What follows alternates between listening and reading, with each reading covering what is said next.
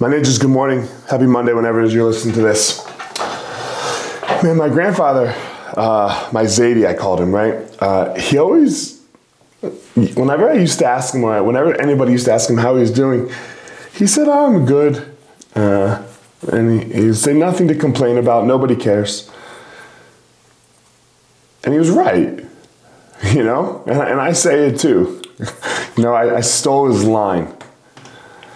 Nobody cares. That's okay. Because you probably don't care either about other people's complaints. So don't do it. Don't, don't complain on your end. You, you have control over this. You, you have the mental fortitude to, to choose whether or not you're going to complain about something. That, that is 100% on you. No one wants to hear your problems.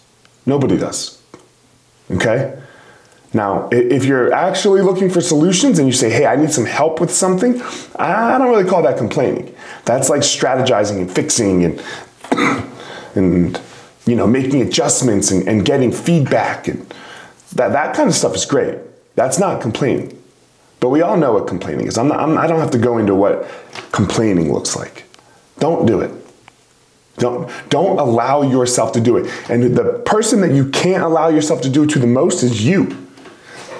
Sitting up, wandering, driving in the car, and, and just complaining, running those, those bullshit thoughts through your head. Ah, da, da, da, that shit will kill you, man.